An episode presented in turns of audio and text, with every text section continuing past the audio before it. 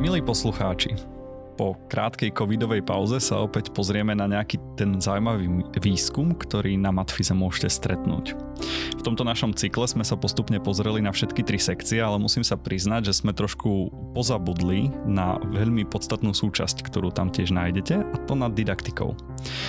Preto ma veľmi teší, že dnes sa môžem rozprávať s dvoma didaktikmi informatiky, respektíve trošičku matematiky takisto a ktorí sú zároveň teda aj mojimi priateľmi a to docentom Cyrilom Bromom a jeho doktorantkou Aničkou Jagobovou. Cyril, Anička, vítajte.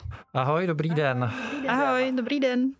Ešte predtým, ako sa vôbec dostaneme k tomu, čo robíte a ako vlastne to učiteľstvo na matfize vyzerá, tak eh, by som sa chcel dostať k vám ako osobám, ako ste sa vôbec eh, nielen na Matfis, ale vôbec k tomu učiteľstvu dostali. Tak eh, Cyril, kde niekde sa rodila tvoja túžba ísť študovať na matfiz, respektíve potom sa dostať k učiteľstvu? Bol si taký ten rodený matfizák, alebo si chcel robiť možno niečo iné? No, to jsou dvě otázky. Jedna je, jestli jsem rozený matfizák, tak já jsem programoval od deseti let, takže asi jsem rozený matfizák. A druhá je, jak jsem se dostal k učitelství a didaktice a tam je to složitější, tam jsem postupně driftoval. Když jsem nastupoval na matfiz, tak jsem si nepředstavoval, že skončím jako učitel učitelů. A keď si nastupoval na matfiz, tak si vlastně išiel rovno na tu didaktiku, alebo išiel si skôr na nějaký ten obecný predmet, ako máme? Ne, ne, ne, já jsem šel eh, napřed na programování. Přes programování jsem se dostal k vývoji počítačových her. Eh, od eh, počítačových her jsem se dostal k výukovým počítačovým hrám, od těch jsem se dostal k výukovým multimédiím obecně a od toho jsem se dostal k didaktice počas tých jednotlivých fází, tak uh, vyskúšal si si asi aj prácu v nejakých súkromných spoločnostiach. Ja sa priznám, že som teda čítal tvoj životopis. Tak aké bolo vyvíjať hry v tej súkromnej sfére a prečo vlastne si tam nejako nevydržal a rozhodol si sa ísť potom do té akademické sféry? No to je moc pěkná otázka. E, já jsem ve skutečnosti pracoval v soukromé sféře jako programátor e, obecně, nikoli jako programátor počítačových e, her. A v zásadě v jednu chvíli jsme s známými začali psát projekty na ty výukové počítačové hry. Ty projekty nám vyšly a tak jsme se rozhodli, že se vlastně jakoby v uvozovkách osamostatníme přestaneme pracovat pro někoho jiného a začneme eh, na akademické půdě eh, pracovat na vlastních projektech. Co tě tak uchvátilo na těch výukových počítačových hrách? To je také eh, dobrá otázka. Tak dobře, možnost někoho něco naučit. Ale takhle, my jsme si na začátku mysleli, že výukové počítačové hry jsou nějaké médium, které spasí svět, jo? protože jsme věřili takovému jako obecnému mýtu, že ve školách se učí špatně a počítačové hry jsou něco, co to dokáží zlepšit.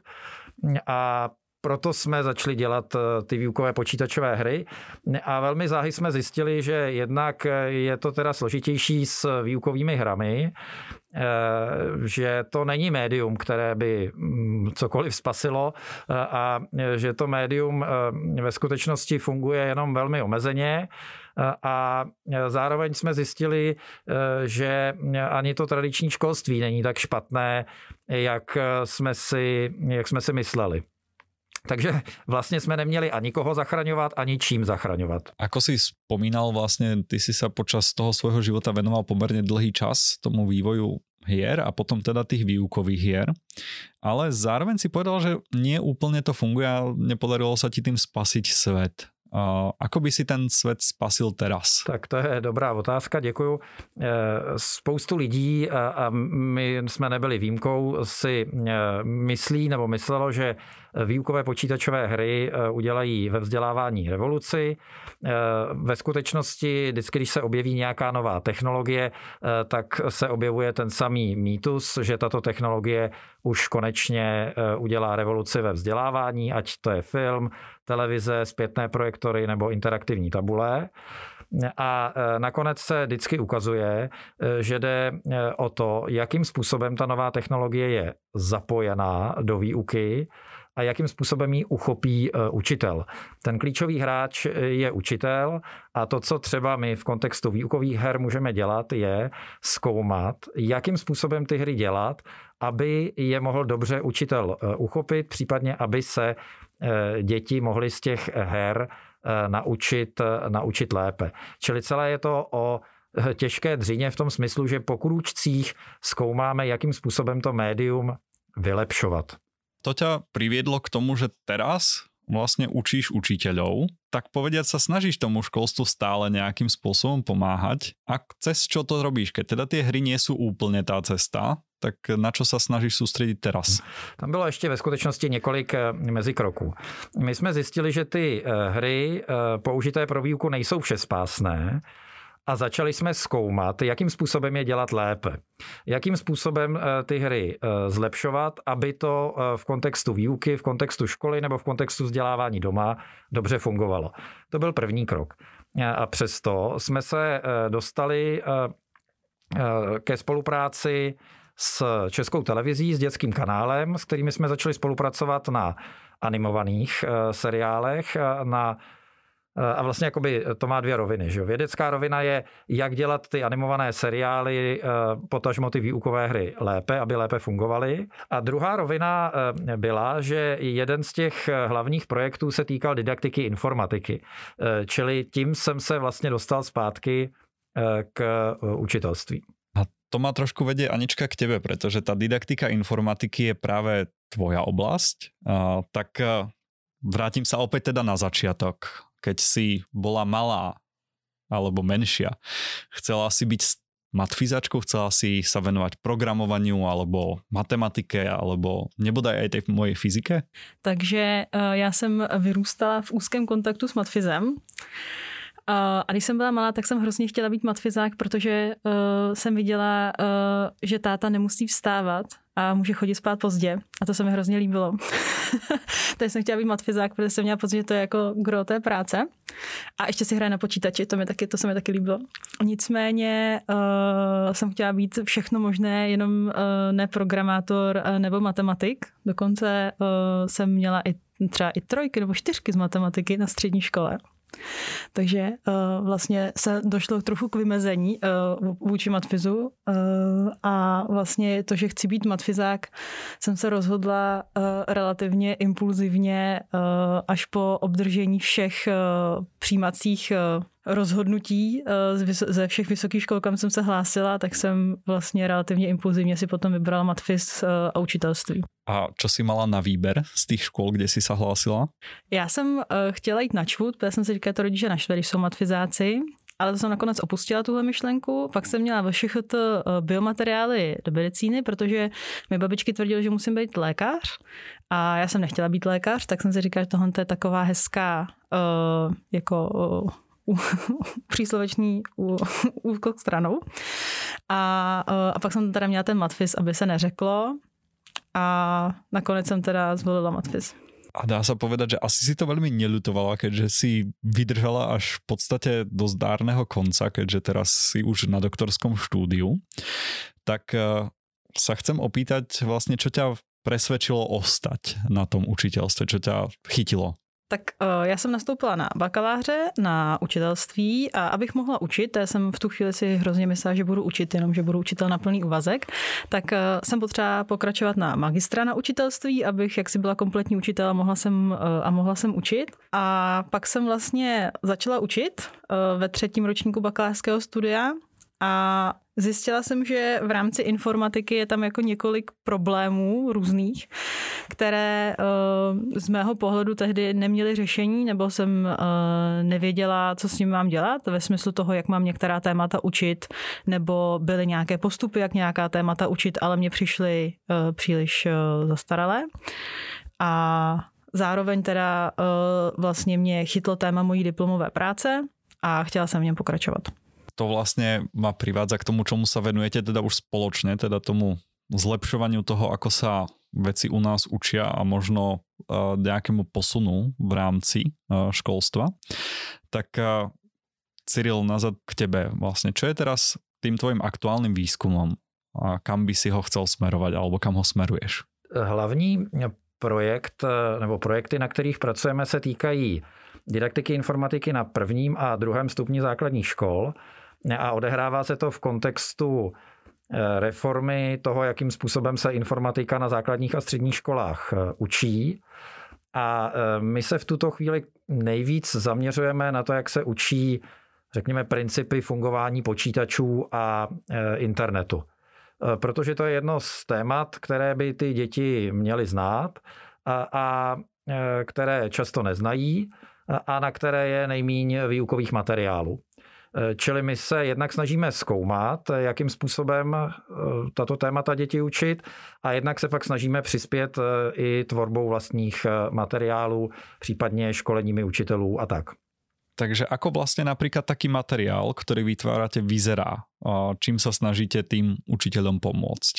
No tak třeba konkrétně my jsme spolupracovali s Dčkem a CZNIKem na projektu Datová lhota. To je animovaný výukový seriál pro děti z prvního stupně o tom, jak fungují počítače. A ten seriál je dostupný teď na webu Dčka a my k němu eh, jsme připravovali modelové hodiny pro výuku na prvním stupni. Eh, modelové hodiny, to znamená manuál pro učitele, jak pomocí toho seriálu a nějakých dalších aktivit eh, o těch tématech přímo na školách učit. Těch modelových hodin je v tuhle chvíli šest. Poslední dvě jsme zveřejnili tento týden, takže teď máme, řekněme, kompletní sestavu pro první stupeň. Viem si predstaviť, že príprava takýchto modelových hodín, respektíve aj toho výukového seriálu zahrňa v sebe veľké množstvo asi spolupráce s deťmi, pretože musíte asi overovať, ako tie veci na nich fungujú.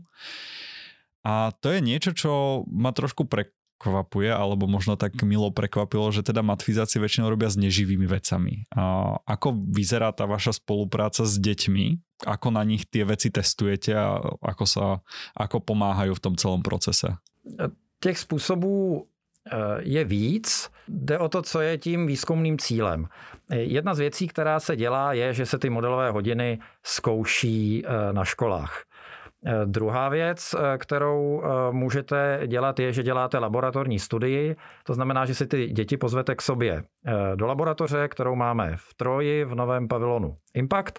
A Eh, tam třeba tři čtvrtě hodiny ty děti dělají nějakou konkrétní aktivitu, třeba chvíli hrají nějakou počítačovou hru, pak si s nimi eh, povídáme a eh, třeba i v tomhle případě změříme, co se z té hry přesně naučí.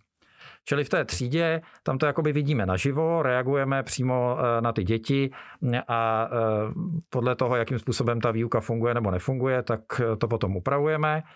V té laboratoři tam třeba srovnáváme více variant téže hry proti sobě, které se v něčem liší, zkoumáme, co se ty děti naučí a zkoumáme, jestli se z nějaké z těch variant naučí více. To sú takové dvě hlavní linie toho výskumu. No a teda keď už máte tie deti u vás, urobíte s nimi tie rozhovory, tak ako v rámci nich zistujete, že či to je niečo, čo sa to dieťa naučilo práve z tej tvojej hry, ktorú ste mu ako pripravili, ono ju, ju prešlo a ako to odlišiť od toho, čo to dieťa možno vedelo z domova alebo už z tých hodín informatiky? No, to je velmi dobrá eh, otázka. Eh, standardní představa je, eh, že se na začátku, na začátku, když to dítě přijde, tak se udělá nějaký takzvaný pretest, že se otestuje, pak teda je nějaká aktivita a na konci se ten test udělá ještě jednou. No a takhle to eh, často fungovat eh, bohužel nemůže, protože za prvé ten test jako takový to dítě eh, hodně ovlivní a za druhé, když ten test trvá 20 minut, tak to prostě nemůžete těm dětem udělat, že byste 20 minut testovali, pak by 20 minut něco dělali, pak byste 20 minut znova, znova testovali. To je prostě strašně moc testování. Takže to, co se taky ještě dělá, je, že se třeba s těma dětma dělají jenom rozhovory o tom, co vědí, v takovém jako samostatném, samostatném balíku. A to se dělá proto, abyste v podstatě jakoby nahlédli dětem do hlavy, co si o určitém tématu myslí, a asi by vás dost překvapilo, co si třeba děti, kterým je 9-10 let, myslí o internetu. Eh, čili eh, bych se vrátil zpátky, to testování jde vlastně udělat eh, i tak, že se dětí ptáme jakoby úplně bokem jak na, na to, co přirozeně sami, sami vědí. Takže vlastně cílíte skôr teda na tie menšie deti, lebo to sme nepovedali, že o aké deti sa jedná, že teda sú to skôr deti asi na základnej škole, keď som správně pochopil? To, co, to, co děláme z hlediska informatiky, je hlavně první stupeň a druhý stupeň. Eh, no, ta datová lhota je teda přímo pro první stupeň, ale to neznamená, že bychom pracovali jenom s dětmi eh, z prvního eh, stupně. Jinak, co se týče obecně výzkumu multimédií, tak jsme pracovali i s vysokoškoláky, ale teď se zaměřujeme hlavně na ten první, druhý stupeň. Takže môžem si predstaviť, že to, čo sa ich snažíte naučiť, sú naozaj nejaké základy správania na internete, alebo ako to čo si pod tým představit, pod tým internetom, ale nesnažíte se z nich vychovat eh, matfizáckých programátorů už na prvom stupni eh, základné školy. Tady ale důležité si eh, uvědomit, že podle nového způsobu výuky informatiky po té reformě je informatika povinná od čtvrté třídy základní školy. To znamená, že ty děti se mají něco o fungování internetu dozvědět. A my je neučíme eh, ani tak, eh, eh, nebo takhle. My se domníváme, že aby jsme dětem dokázali říct, jak se mají bezpečně chovat na internetu, tak jim musíme prozradit i těm malým něco málo o tom, co ten internet je a jakým způsobem funguje. Já tomu říkám, že se snažíme učit principy, principy fungování těch věcí. Protože eh, když to dítě například eh, pochopí, co je to server, ne, že by si muselo pamatovat slovo server, ale pochopí, že když si posílá ze svého mobilu eh, někam video nebo někam to video nahrává, takže to video se po cestě zastaví na nějakém dalším počítači, kde je schované, eh, tak potom eh, lépe pochopí bezpečnostní pravidla. Proč například některé věci není dobré na internet nahrávat. Čili ne, neděláme z nich matfizáky, ale na druhou stranu chceme, aby se nějaké velmi základní principy eh, uměřené tomu, co, přiměřené tomu, co ty děti dokážou pochopit, eh, naučili, eh, protože to prostě potřebují například pro, pro to, aby chápali pravidla bezpečnosti potom. Anička, a ako vyzerá ten tvoj výzkum? Je tvoj cíl vlastně totožný, předpokládám?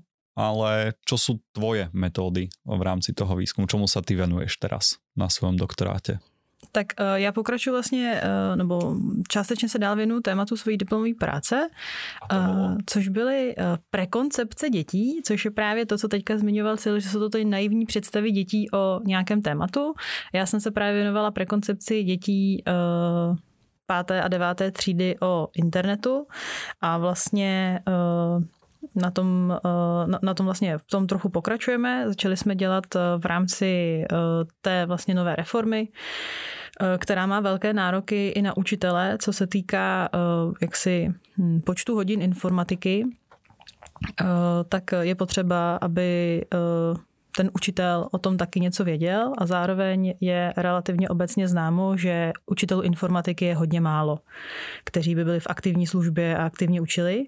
A mm, nás tady vlastně zajímalo, protože je relativně běžná praxe, že na základních školách ty hodiny informatiky učí někdo, komu to zrovna vyjde do úvazku, tak nás vlastně zajímalo, co ty uh, učitelé uh, vědí o tom internetu, vlastně jaké jsou i jejich znalosti, takže uh, v mém aktuálním výzkumu, nebo v jednom z mých, z mých aktuálních výzkumů se právě věnujeme tady těm vlastně naivním představám učitelů informatiky, kteří nejsou informatici o principech internetu. Tu mi automaticky napadá se opýtať, ako zle na tom jsme Možná já bych eh, řekl, eh, to je asi důležitý didaktický princip, který spoustě lidí zůstává utajen. Jo? Že na ty eh, my těm představám říkáme naivní. To naivní ale není myšleno pejorativně, to je terminus technicus. Je to označení pro představu, kterou ten člověk má, aniž by ji získal ve formálním vzdělávání. Což je případ i, i těch učitelů, že? protože pokud je někomu 50, tak prostě před 25 lety pochopitelně ty učitelé tu informatiku, eh, informatiku neměli. A tady teda ta důležitá věc, ten důležitý princip je, že se musíme na ty naivní představy dívat jako na představy, které ti lidé mají a nehodnotit je jako, že jsou dobré nebo špatné. Prostě ty lidé si to takhle představují. My bychom chtěli, aby si to možná představili nějak jinak a potřebujeme s těmi představami, které mají pracovat a trochu je pozměnit Eh, k tomu finálnímu obrazu. Jo, a co se ví velmi dobře, je, že to nefunguje tak, že se jim jenom eh, řekne, jak je to správně. Eh, protože ty představy často jsou rezistentní ke změně v tom smyslu, že ten člověk si to sice vyposlechne, ale ono to po něm steče a pak se vrátí k té své původní, původní představě. Jo, čili já bych tady nechtěl říkat, že učitelé nebo děti tohle vědí nebo nevědí a my ty představy zjišťujeme hlavně proto, aby jsme právě věděli, jakým způsobem s nima v hodině eh, pracovat. Eh, ty děti třeba použijí nějakou metaforu, eh, kde připodobní posílání dat k něčemu, prostě trubičkou leze had a, a to je vlastně jako když se po internetu posílá video a my ty metafory, které třeba ty děti používají často, tak potom jakoby použijeme, rozvineme a pracujeme s nima tak aby to ty děti mohly dál pochopit. No. Snažíme se jakoby přiblížit tomu jejich jazyku a chápání. Ako si povedal, že tie predstavy sú často rezistentné, tak eh, vlastne za to dlhšie obdobie, ktorý sa, ktoré sa teda venuješ už tomu výskumu a možno nejakej podpore pre tých učiteľov, vidíš nejaký reálny posun českom, slovenskom školstve, teda hlavně asi v českom? Takhle, to, e, já si myslím, že e, ta reforma teďko teprve začala a e, jako aby jsme viděli dlouhodobě posun na úrovni celé populace, tak bychom museli dělat dlouhodobý výzkum, který by trval minimálně třeba pět let, aby, aby jako to dávalo, dávalo smysl. Čili takhle dlouho to eh, neděláme, ale to, co třeba vidíme, je, že když nějakým způsobem eh, s tím eh, dítětem pracujeme, tak to konkrétní dítě potom změní tu svoji představu. Možná můžu dodat, že to není specifikum informatiky. To je jev, který je běžný ve fyzice, v biologii, že prostě ty žáci mají své jakoby intuitivní, naivní představy a ty jsou často rezistentní ke změně.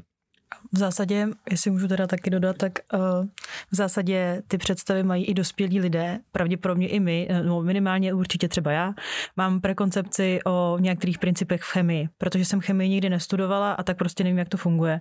Takže uh, vlastně ty uh, naivní představy v tom, v tom hezkém slova smyslu máme všichni v oblasti, kterou my jsme nestudovali a dá se říct, že jsou to všechny ty oblasti, kde jsou právě nějaké takovéhle principy, ale nás nikdo nenaučil, jak to funguje.